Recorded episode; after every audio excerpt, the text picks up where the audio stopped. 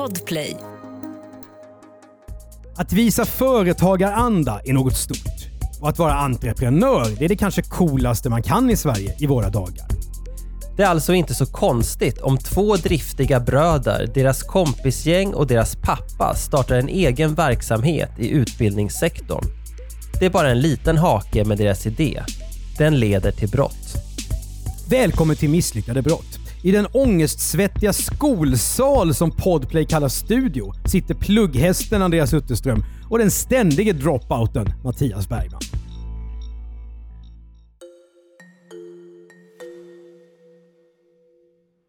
Ja, och det är väl en sanning med modifikation, för utan att veta vad du hade i betyg så misstänker jag att de var bättre än mina. Men det kan vi ta en annan gång. Men du har ju eh, ganska hög betyg-aura. Ja, men jag är också ganska trög och eh, ointresserad av eh, till exempel naturvetenskap. Så att jag hade väl om man skulle överföra det till de, det gamla liksom, systemet med 1 till 5 så kanske jag hade när jag gick ut gymnasiet 4 och 2. Och jag misstänker att du kanske hade 4 och 8. Men det är ju inget att skämmas för 4 och 2. Vad var det, vilken Nej. linje var det? Var det natur eller sam? Eh, Sam-sam, men med tanke på hur, Ja. mycket, hur många timmar jag la på detta så, Ja. så är det ett bevis för att jag är lite trög. Men jag misstänker att dina var bättre. Ah. Men nu ska det inte handla om betyg utan någonting annat. Jag misstänker att du duckar frågan, men vi går vidare. Ja, det misstänker, det märkte du väl? Men, men nu tänkte jag att vi skulle prata lite grann om högskoleprovet istället. Ja, det gick inte heller så bra för mig på grund av all, alla jävla grafer och all matematik. Jag tror att jag hade som bäst kanske hade 1,2 eller 1,3 möjligen. Alltså det jag vill åt här är i alla fall att eh, resultatet, man får ju resultat mellan 0 och 2 med Mm. en decimal då. Och 1,0 är snittet kan man säga. Det normeras ju på en S-kurva. Mm. Eh, senaste gången så tror jag att snittet var 0,89. Det betyder att dina 1,2 var, var ganska bra. Mm. Vet du vad olika kändisar hade på högskoleprovet? Ja, jag vet att eh, kvällstidningar brukar göra listor på detta och en siffra jag minns är att jag tror att prins Daniel skrev 0,9 eller något sånt där. Nej, Nej. mindre. Mindre hade han. Han hade, tror jag, 0,1. Ja, han måste ju ha gått ut ur provlokalen. Han är ju eh, eh, social, en social entreprenör, Mm. så det har gått bra för honom ändå. Och han eh, har gift sig smart. Har du några fler eh, exempel på kändisars högskoleprov? Du ska få gissa här Okej. vad olika personer hade. Eh, vad hade eh, Rakel Molin? Det här kan ju bli förtal Andreas, det vet du. Ja. Rakel Molin, eh, min fördom är att hon är intelligent. 1,5, 1,6. Eh, 0,7. Det här är enligt Aftonbladet. Vi har inte ringt och kontrollerat det här. Och Det Okej. kan också vara så att de har skrivit det senare och haft bättre. Eh, vad hade Jonas Birgersson som en gång startade... Ja, just eh, det. Framtidsfabriken. Just det. Eh, han hade betydligt lägre än vad han både vill och vi tror, tror jag. Ja, det är no- och noll- 08, 07 någonting. 1,3. Och så tar vi en politiker som har synts mycket senaste tiden i coronatiden, Lena Hallengren. Jag vet ju att hon är utbildad musiklärare och det behöver man ju inte så höga poäng. Ah, Hon, hon ligger nog på snittet, varken mer eller mindre. 1,0. 1,3. Och så har vi Mm. eh, Kristoffer Fjellner som tidigare var eh, Ja, ledamot i Europaparlamentet för Moderaterna. Eh, Han har ju intelligens-aura eh, Mm. när man hör honom. Ja, men det kan vara uppe på 1,8, 1,9 faktiskt. Eh, 1,7. Och sen till sist då, Maria Wetterstrand, tidigare språkrör för Miljöpartiet. Ja, hon är, hon är smart och beläst. Det är högt. 1,8, 1,9 också. 2,0. Ja, 2,0 är alltså det högsta resultatet. Och om vi ska sätta det här i perspektiv. Våren 2018 var det 63 000 personer som skrev för provet. Och bara 36 av dem hade 2,0. Ja, imponerande det- att faktiskt Ja. få 2,0. Det betyder inte att man har rätt på alla, att alla svar är rätta, men, är rätt, men nästan. Ja, du kan ha, jag tror 12 fel på hela dagen ungefär och Ja. fortfarande ha 2,0. Ja, det är väldigt, väldigt imponerande.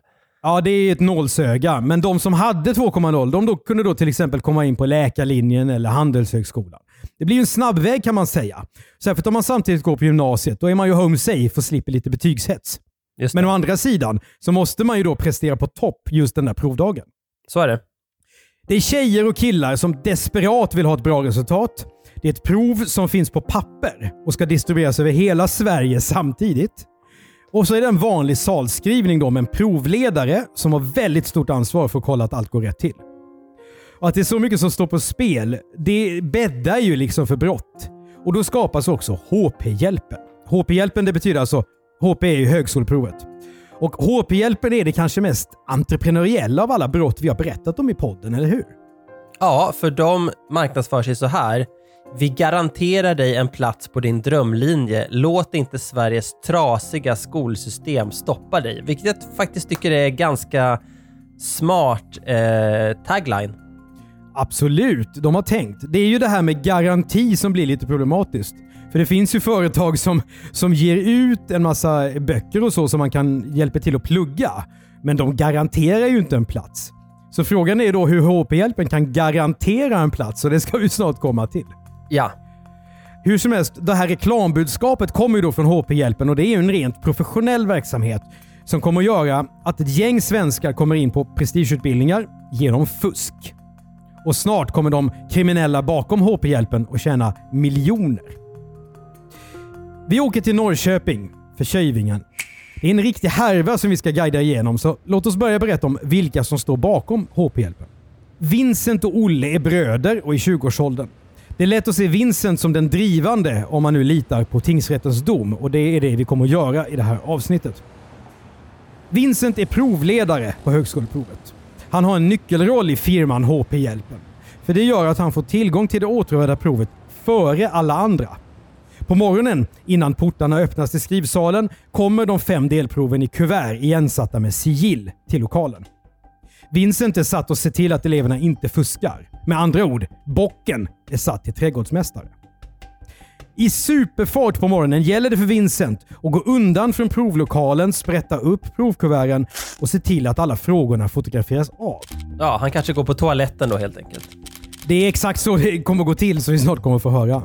Några klipska personer på en annan plats får sedan sätta sig och svara rätt på de här frågorna. Sen måste ju facit nå fram till de som har köpt HP-hjälpens tjänster. Till exempel de som har tagit del av den här reklamen då som du läste upp. Och här blir HP-hjälpen rena techbolaget. För med posten har provfuskarna fått utrustning med pyttesmå hörsnäckor som trycks in i örat. De är kopplade till en mobiltelefon som man gömmer på kläderna. Så de som köper HP-hjälpens tjänster, de har inte bara med sig de tillåtna hjälpmedlen blyertspenna, radergummi, överstyckningspenna och rak linjal in i provsalen. Någon minut efter att de har skrivit under med sina namn att de inte ska fuska så får de rätt svar på provet upplästa rakt in i örat medan de själva fyller i sin svarsblankett. Fråga 4 D, fråga 12 C och så vidare. Provfusket är extremt svårt att upptäcka. Även för en provledare som har rent mjöl i påsen till skillnad från Vincent. Och efter provet är det bara för kunderna att lämna tillbaka utrustningen med hörsnäckorna och det gör de i förvaringsboxar ute på stan. Smart, måste jag ändå säga. Det är ju drivet. Eh, Det, det är inget snack om det. Det är Vincents bror Olle som är något av teknikansvarig. Han har köpt in mobiltelefonerna. För det krävs en hel del sådana som dessutom måste kopplas ihop med varandra så att man kan läsa upp ett svar till flera kunder samtidigt. Det är ju lite som när man parallellt kopplar i elläran i skolan. Precis. Ett poddtips från Podplay. I podden Något Kaiko garanterar östgötarna Brutti och jag, Davva, dig en stor dos skratt. Där följer jag pladask för köttätandet igen. Man är lite som en jävla vampyr. Man har fått lite blodsmak och då måste man ha mer. Udda spaningar, fängslande anekdoter och en och annan arg rant. Jag måste ha mitt kaffe på morgonen för annars är jag ingen trevlig människa. Då är du ingen trevlig människa, punkt. Något Kaiko, hör du på Podplay. Därför är gardinerna. Men två driftiga killar räcker inte. Under de år som HP-hjälpen blomstrar rycker flera personer in och hjälper till.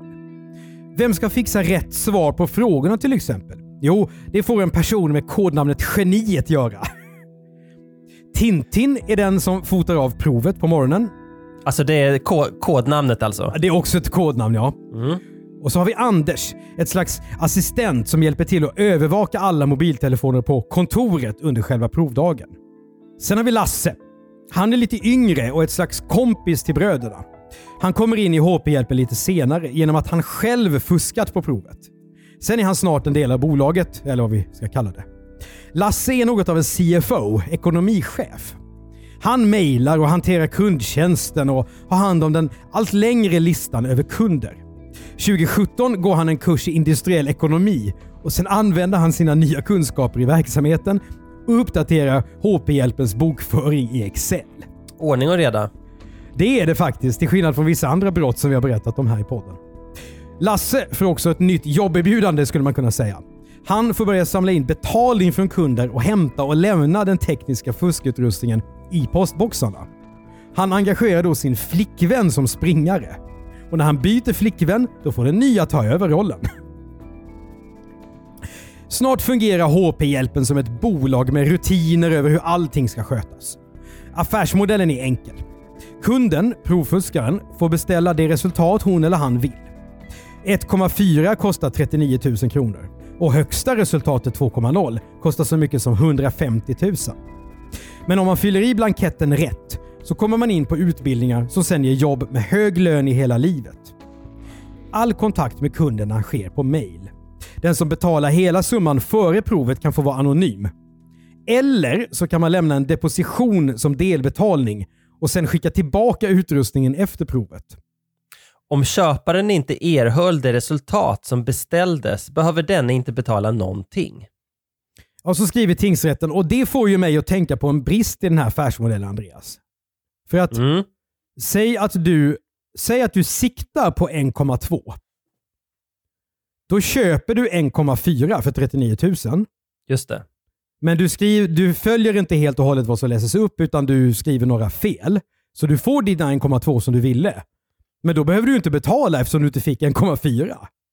Nej, så det gäller att om man är tillräckligt slug så kan man få det här gratis. Ja, Jag kan inte komma till någon annan slutsats. Men eh, de är ju väldigt smarta i långa stycken. Så att, eh, ja. Men vi ska, vi ska väl också säga att de, de marknadsför sig ju öppet, men då inte med det här fusket såklart, utan då säger de att de bara ska hjälpa till att, och hjälpa folk att få bättre resultat antar jag. ja, och just hur de själva ser på den här låt oss säga, skuldfrågan och moralen, det kommer vi till lite senare. Hur som helst, pengar in blir det. 2015 så drar HP-hjälpen in 720 000 kronor. 2016 då är det 3,12 miljoner. Och 2017 då är det nästan det är mer än dubbelt så mycket, 6,33 miljoner kronor. Och det här för ett högskoleprov som bara äger rum två gånger per år. Man kan ju tänka sig hur mycket pengar det hade blivit om provet skrevs oftare. Vi pratar ju nu om HP-hjälpen ungefär som ett företag, men något aktiebolag är det inte. Hur mycket Excel-filer killarna än har så inte betalar de någon moms. Inte heller deklarerar de för sina intäkter. Löneutbetalningarna är det Hawaii med. Vincent han tar 600 000 och resten delas upp mellan de andra. Och inte sparar de fakturor och kvitton heller. Kanske inte så konstigt eftersom det de håller på med faktiskt är olagligt. Men har de ett riktigt registrerat bolag alltså? Nej, ja, en av dem har ett aktiebolag men med helt annan verksamhet då, säger de. Ja, jag förstår, Eh, för att annars hade de ju blivit upptäckta redan vid första deklarationen. Ja, visst hade de det. Utan det här är ju på det viset enskild firma som vi skulle säga. Det vill säga när, ja men du vet, sådana som du och jag bedriver enskild näringsverksamhet. Just det. Det ska ju också vara registrerat, men det har de ju inte riktigt gjort. Men osynlig är HP-hjälpen långt därifrån, precis som du sa. Det är väldigt viktigt för att locka nya kunder och ha bra marknadsföring och kommunikation.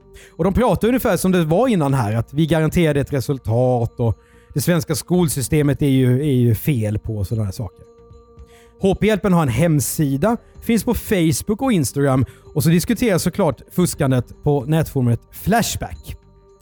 Men Vincent, eh, Olle och Lasse bedriver också vad man skulle kunna kalla klassiskt PR-arbete. Olle ger till och med en radiointervju som han spelar in själv hemma hos sig och mejlar över till de som sänder. De är ju på det viset oerhört fräcka faktiskt. Ja, verkligen. Men att det här är en av de mer offentliga misslyckade brottslingarna i den här podden, det gör ju också att de får fel ögon på sig så att säga. UHR får span på HP-hjälpen. Universitets och högskolerådet alltså. Myndigheten som arrangerar högskoleprovet. Och nu får vi lite bilden av en klassisk katt och råtta-jakt. UHR har löpande koll på provskrivare som presterar lite för bra jämfört med vad de har gjort på tidigare prov. Och de som jobbar på UHR, de har såklart också sociala medier. De misstänker också att någon som jobbar med provet, ja som Vincent, är en del av en komplott. Men högskoleprovet är omsprunget av fuskteknologin. HP-hjälpen ligger före. Och Man kan ju tänka på det här Andreas, att provet är ju inte digitalt. Det är ju på papper. Det måste ju vara väldigt känsligt. Mm. När jag själv har skrivit en slags motsvarighet, ett amerikanskt prov som heter GMAT, så var det ju en helt annan sak. Då måste man gå in i provlokalen med fingeravtryck, man svarar på en dator, och inte sin egen dator såklart, utan det är ett slutet system. Jag vet att man fick inte ens ha sina egna pennor och sånt med sig, utan man fick använda, bara använda pennor och papper som låg där, som de hade liksom. Och varför skrev du detta prov? Ja, det var 2012 eh, så skulle jag skriva det här för att se om jag kunde komma in på en viss utbildning. Och Det är inte så ovanligt att det skrivs i Sverige, men, men eh, det, var- det, är lite, det finns inspiration till det svenska högskoleprovet tror jag från GMAT, men det är lite annorlunda i upplägg kan man säga. Jag förstår. Inte blir det bättre av att Vincent ställer upp anonymt i public service. När Sveriges Televisions granskande program Dold sänds den 20 december 2016 är han med och berättar om hur HP-hjälpen är uppbyggt. Han får 300 000 kronor av Olle och Lasse för att han deltar. Och de pengarna sätter han in i sitt aktiebolag, vilket är oerhört korkat kan jag säga. Ja, och också väldigt bra arvode med tanke på att eh, en av de här plockade väl ut själv 600 000. Ja, det var han själv. att- Ja, det är han själv. Okej, Ja. så han, han bättrar på sitt arvode här alltså. Ja, det gör han och timpenningen för att delta i det där eh, är ju, är ju väldigt hög. Men samtidigt kan man ju säga att även om han är med i dold kamera, eller anonymt då, så är det ju rätt så känsligt att vara med på SVT och berätta om hur, hur man möjliggör fusk. Men det är inte bara Utbildnings och högskolerådet som ser Vincent på SVT. Det gör också hans pappa som vi kallar för Bengt. Men Vincent säger att det han håller på med faktiskt inte är olagligt. Det är de som skriver provet som fuskar, inte han. Och det är liksom hela retoriken här Andreas som de, som de här killarna kör med. Just det. De säljer bara en tjänst. Det är lite som Facebook. Vi är bara en plattform. Och vad som sen Ja, sprids inga på plattformen, det tar vi inget ansvar för. Medan åren går så tätnar nu intrigen. UHR utreder på sitt håll och HP-hjälpen de får också allt hårdare konkurrens på sin marknad. Andra fusktjänster som jobbar på samma sätt som dem poppar upp. Till provet våren 2017 då blir Vincent och de andra killarna till och med kunder hos en annan fusktjänst så att de kan kolla hur de står sig. Och den andra, Benchmark. Ja.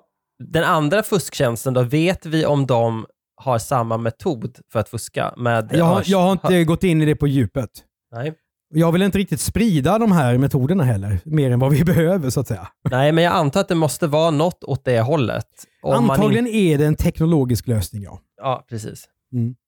ja. Det är ju ett slags benchmark av konkurrenterna de bedriver helt enkelt när de genomgår varandras tjänster. Och den här uppstickaren, HP-ängeln, den blir svår. När det är dags för vårprovet 2018, då har Vincent och company visserligen sålt för 6 miljoner kronor.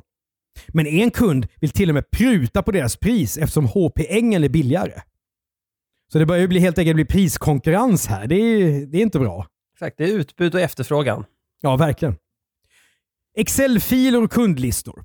Det ser ut som ordning och reda. Och folk med dåliga betyg men stora drömmar, det finns ju alltid. Det verkar lite som att killarna förväxlar det de håller på med med ett riktigt tillväxtbolag. Vincent planerar till och med att köpa en lägenhet som han ska använda som kontor. Och HR, alltså personalhanteringen, den är också väldigt uppstyrd. Även om ingen kommunicerar med sina riktiga namn på nätet utan chattar på Kik med alias som Fifflaren, Alkis Bear och Chin. Det där kan man nästan inte hitta på. Eller hur? Nej, de är ju från domen så jag har inte anonymiserat dem där. Nej. Nej, det kan man inte hitta på. Det är då Vincent som är Chin kan jag säga. Och precis som i andra bolag så blir det oro och små konflikter bland personalen. Lasse verkar vara en nervös ung man och undrar om det de sysslar med ändå inte är olagligt. Men när själva högskoleministern har sagt i en intervju att det bara är fuskarna som kan dömas, inte de som säljer tjänsten, då blir Lasse lugn igen. Och Tintin som fotar av provfrågorna, det är en känslig själ. När Lasse klagar på att hans foton är för otydliga hotar Tintin att läcka provet. Gnissel på jobbet och det skulle kunna spoliera intäktsmöjligheterna.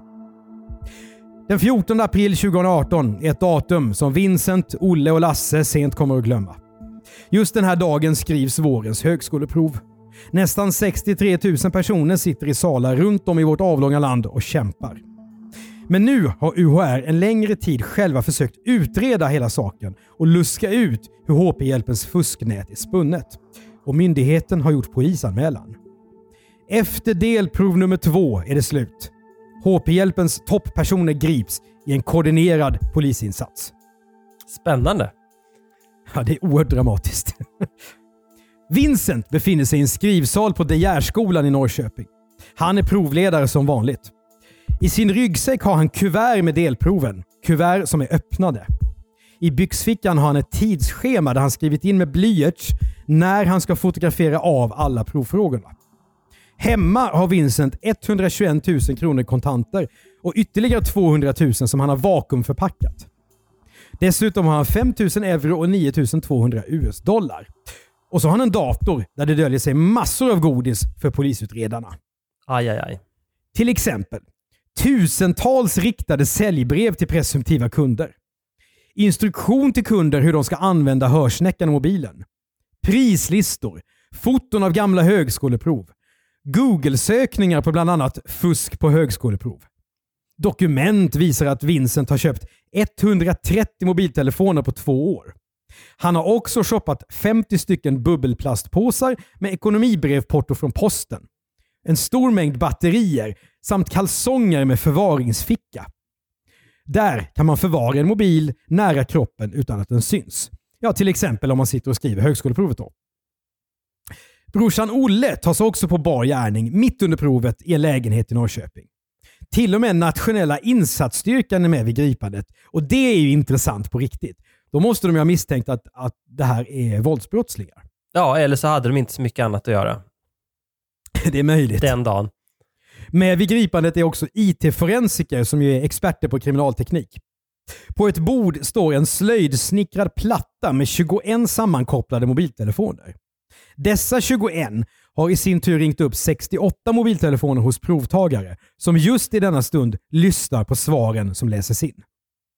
Hemma hos Olle finns det 32 mobiler till, varav flera har varit aktiva just på provdagar. Olle, som ju har varit teknikansvarig, han har också förpackningar och bubbelplast som fuskutrustningen är inslagen i. I två säkerhetsskåp har Olle 2,8 miljoner kronor cash. På ett annat ställe i hans hem hittar polisen 56 200 kronor till och ett bitcoinmynt. Såklart, här kom bitcoin. Jajamensan. Olle har också bilder på högskoleprov och originaldesign av etiketter på utrustningen.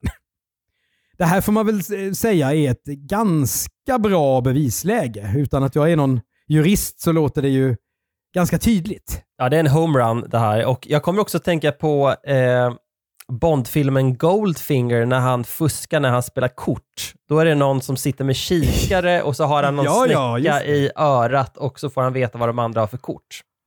I, do, I expect you to die Mr Bond. Precis så. ja, just det. Assistenten Anders grips också i lägenheten. Och Vincent och Olles pappa Bengt. Jo då, för sen pappa Bengt har hört på SVT om Vincents verksamhet, då har han också börjat hjälpa till. Även om han nu kommer att hävda att han inte har en aning om att bägge hans söner håller på med HP-hjälpen. Trots att han och Olle faktiskt bor i samma lägenhet. Bengt har hjälpt till att fixa så bra bilder som möjligt på provformulären. Dagen som alla grips, då har Bengt åkt med bygglampa genom Norrköping så att ljuset ska bli bättre när provet ska fotas av inne på en skoltoalett. Ja, Det här är ju underbart på alla sätt. Allt det här är ju ganska svårt att förklara bort. Polisen har kört både yttre spaning och telefonavlyssning. De har lätt att säkra DNA-spår på alla grejer som kopplas till Vincent och Lasse. Det enda som HP-hjälpen tycks ha missat att köpa in till bolaget är väl handskar. Polisen har till och med gjort en så kallad bevisprovokation och spelat provfuskare själva. 89 000 kronor har utredarna först betalat för provresultatet 1,7. På det sättet har de lärt sig hur utrustningen lämnas i en förvaringsbox på bottenplanet på centralstationen i Stockholm. Gedigen utredning ändå får man säga. Eller hur? Och det, ja, ja, gud ja. Men de håller ju också på i tre år, eh, alltså själva fusket. Mm. Så att eh, det här, eh, myndigheten UHR har ju också varit väldigt aktiv. Och det är ju logiskt för att om trovärdigheten för provet faller då, då kommer det till slut inte betyda någonting. Precis. Det kommer inte gå att använda det. Lasse grips några veckor senare hemma hos sig. När polisen kommer in har han ett USB-minne i handen. Där finns listor med köpare och skulder från provfusk år 2016 och 2017. Kalkylblad med kostnader och uppställningar över hur löner har delats upp. Lasse och en flickvän till honom har grävt ner 1,6 miljoner kronor kontant i marken vid hennes föräldrars sommarstuga. Det är nästan som kokainkartellen på 80-talet som leddes av Pablo Escobar i Colombia. Men det är otroligt att Lasse då inte gör sig av med de här sakerna om det nu går flera veckor mellan gripandena här. Ja, jag Tror vet inte. Det är konstigt. Tror han att han ska komma undan kanske? Ingen aning. Det är en jättebra fråga som jag inte har något svar på. Nej, för att, men det är i och för sig inte helt, helt eh, otroligt därför att om man har gjort något sånt här i flera år och tjänat så pass mycket pengar så är det nog lätt att tänka att eh, man är eh, oövervinnlig och att eh, polisen är lallare och att man ska kunna köra det här ända tills eh, man går i pension ungefär. Ja men exakt, för visar inte de här killarna alla lite tecken på hybris? Jo, och det har vi varit med om många gånger i podden att folk som fuskar, alltså bedragare och fuskare, eh, hade kommit undan i alla fall mycket längre om de inte hade blivit giriga och velat tjäna så mycket pengar så att de till slut lämnar så mycket spår efter sig att de åker fast. Man börjar ta för stora risker och så får man bekräftelse när man har lyckats med brottet och då känner man sig smart. Exakt så är det. Men nu ska vi ju inte glömma kunderna. Alltså de som precis har köpt HP-hjälpens tjänster och som sitter och skriver provet. Polisen har ju fått spår på dem också såklart. 23 provskrivare grips samtidigt som Vincent och Olle. Och då har de alltså en insmugglad mobil och en, en snäcka i örat som är svår Ja. att förklara bort. Ja, en del av dem har det, av de här 23, och en del av dem grips för att de finns i kundlistan. Jag förstår. Utredningen blir stor och tingsrätten har mycket att bedöma. Dessvärre måste också hela rättegången tas om efter att domaren anklagas för jäv. Så först två år senare, våren 2020, blir det slutligt bokslut för HP-hjälpen. Och vilken är då killarnas taktik? Ja, de tycker ju att det är fuskarna som borde dömas. För det är de som har skrivit under en ansvarsförsäkran på provet om att de ska vara ärliga. Entreprenörerna i HP-hjälpen, de har en hel katalog av förklaringar som tingsrätten inte tror det minsta på. Vincent säger bland annat att han inte fått några pengar. Han har lånat ut sina kreditkortsuppgifter och sin lägenhet till verksamheten. Han har bara läckt provet som provledare. Han var helt säker på att det som hände var lagligt. Han hävdar också att han har varit utpressad. Klassiker. Ja, de börjar ju skylla på varandra här. En USB-sticka som är full av uppgifter som han har haft, den har han fått av en okänd man på IKEA i Älmhult när han och brodern Olle har varit där för att handla. Den här okända mannen, gud vad han har lurat folk i alla möjliga olika brott. ja, Eller hur? Och i, ja, men det visar sig snart i förhören att den okände mannen här, det är Lasse som träffar bröderna på IKEA. Så vem det är som har stämt möte med vem, det, är ingen, det får vi inte veta.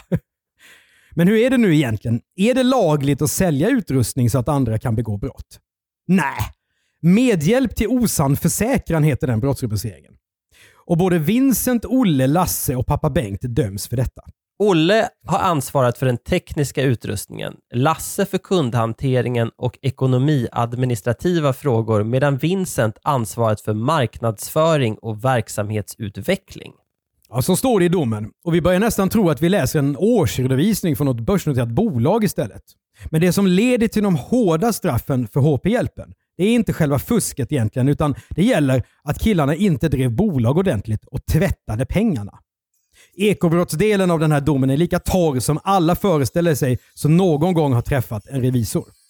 Mervärdesskatt skulle ha kommit in kvartalsvis. Löner har inte redovisats. Pengar har betalats in på aktiebolag utan att man vet var de kommer ifrån.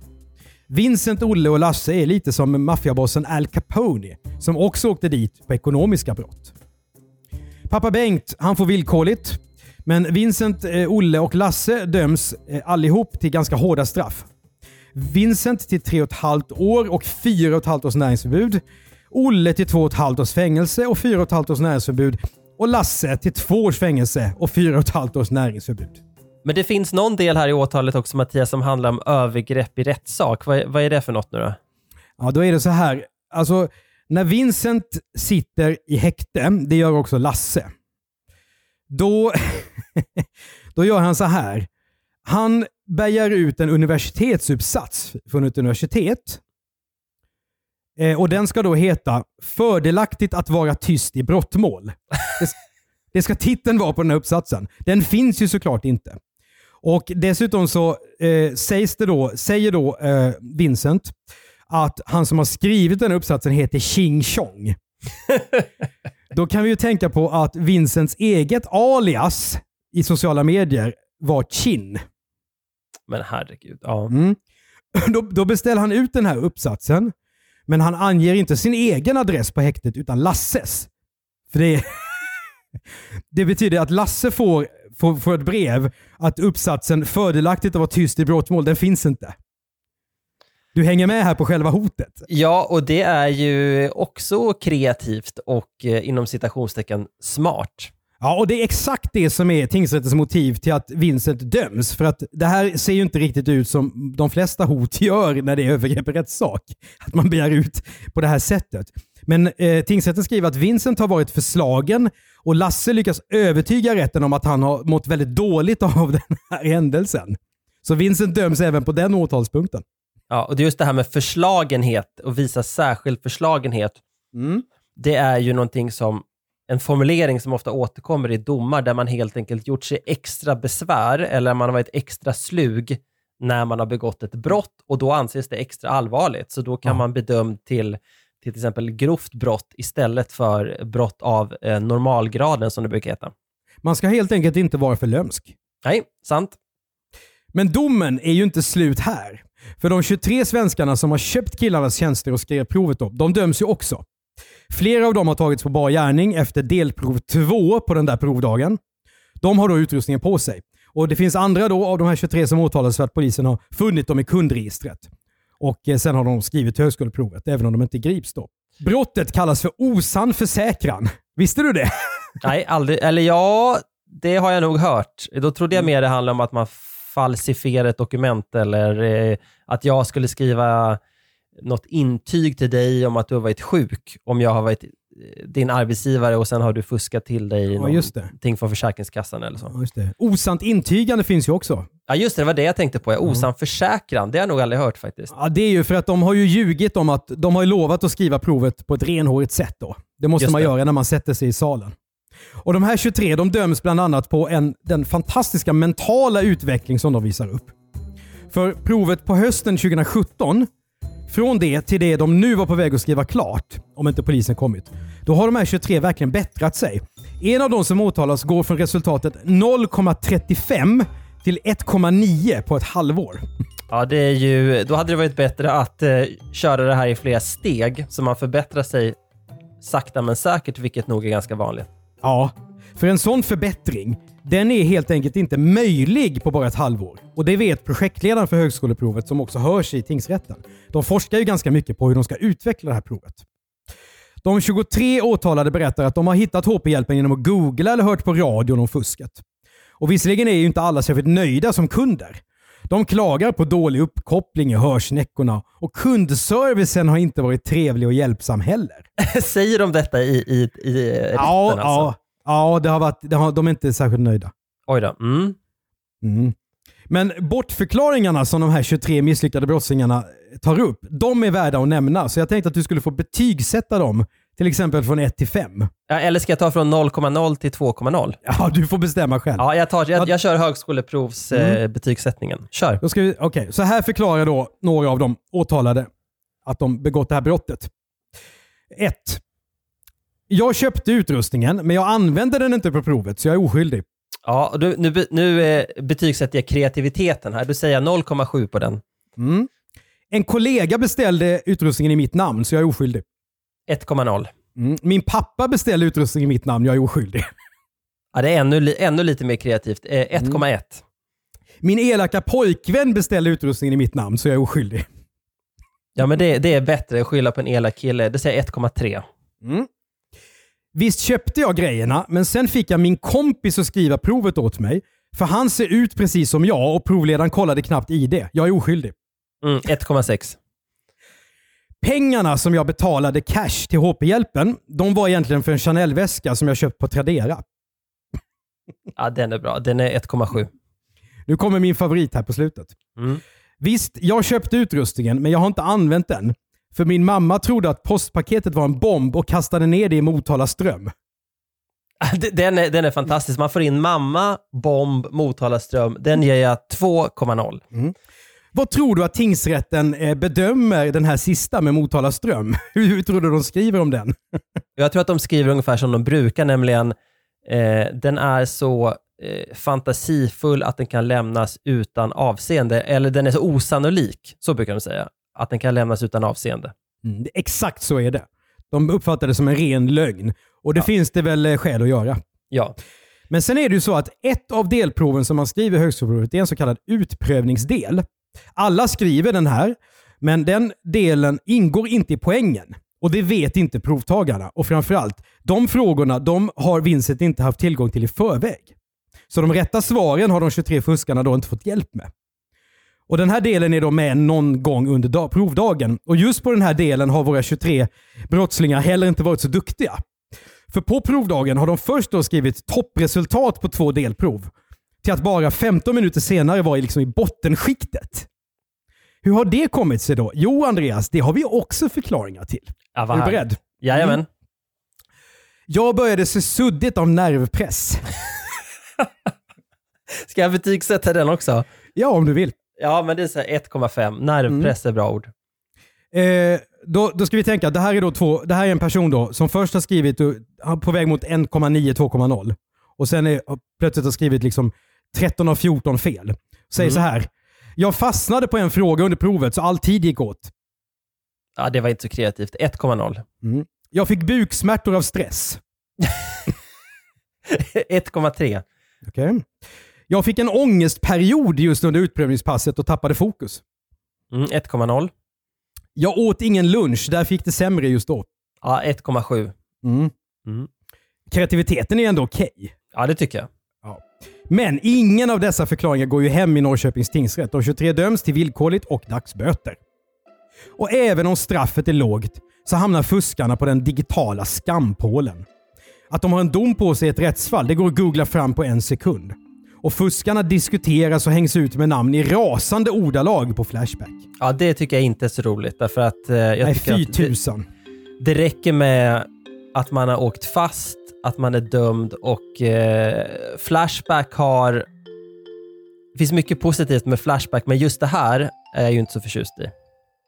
Verkligen inte. Sverige blir några tandläkare, jurister, läkare och handelsekonomer fattigare. Alldeles rättvist. Trots att de ju var driftiga i alla fall med att handla HP-hjälpens grejer. Men under utredningen då Mattias, gick man tillbaka och kollade eh, gamla fuskare då, så att man kunde avslöja folk som på falska premisser har kommit in på till exempel läkarlinjen och vad hände i så fall med dem? Om man så att säga har kommit in på en, på, eh, på en utbildning men eh, fuskat sig till eh, detta. En av orsakerna till att Flashback, eh, deras användare, går fullkomligt bärsärk är just det att det under en period är oklart om man kan kasta ut folk från utbildningar på grund av det här. Mm. Det är en slags lucka. Och eh, Det här är då eh, sedan löst och en del av de här personerna slutar ju också självmant. För att eh, Tyvärr är det ju så att om du, om du har 0,35 på högskoleprovet så är du inte så studievan. Och tempot på Handelshögskolan och juristlinjen är ju väldigt högt. Så kanske klarar man sig inte kvar ändå. Ehm, men något som är intressant som parentes är att, att högskoleprovet, vilket jag inte visste, de har kastat ut folk redan ändå utan att ha bevis för fusk. Det är nämligen så att om man plötsligt har en väldigt stark förbättring mellan höst och vår eller vår och höstprovet, då har det ändå hänt att de har, har dragit in resultatet för att det har varit misstänkt. Aha, så då är det någon slags omvänd bevisbörda där. Alltså att eh, annars är det ju liksom i rättssystemet så Exakt. att, att den som anklagar någon för någonting måste kunna bevisa det och den som blir anklagad behöver inte säga någonting, behöver inte ens samarbeta i utredningen, kan sitta tyst och sen är det upp till då åklagare och polis att bevisa att man har fuskat. Men det gäller alltså inte när det gäller högskoleprovet och den bedömning som då görs utanför rättssystemet. Inte vad jag har kunnat finna, nej. Det är riktigt. Intress intressant. Om du blir sugen Andreas på att försöka bättra dina 1,2 så sker det prov den 13 mars och 8 maj i år. På grund av coronaviruset så är det två provtillfällen under våren. Och det är Mm. ganska många som vill skriva så du får skynda dig. Jag tror jag avstår. Tack ändå. Du har hört ännu ett avsnitt av Misslyckade brott av Andreas Utterström och Mattias Bergman. Exekutiv producent är Jonas Lindskov. Vi samarbetar nu med Podplay. En podcastplattform där du hittar den här podden och en mängd andra av dina favoritpoddar. På Podplay finns alla avsnitt av den här säsongen tillgängliga redan nu, antingen om du går in på podplay.se eller ladda ner Podplay-appen. För Podplay så gör vi även poddarna Misslyckade affärer, Misslyckade makthavare och nyhetsdokumentären Jag var där. Vi driver också specialistbyrån för innehåll commercial content och gör då podden Världens bästa innehåll. Betygsätt gärna Misslyckade brott i din poddspelare och lägg en kommentar vad du tycker om den så är det fler som hittar till den. Och tipsa oss för guds skull om fler misslyckade brott till misslyckade bplus.se.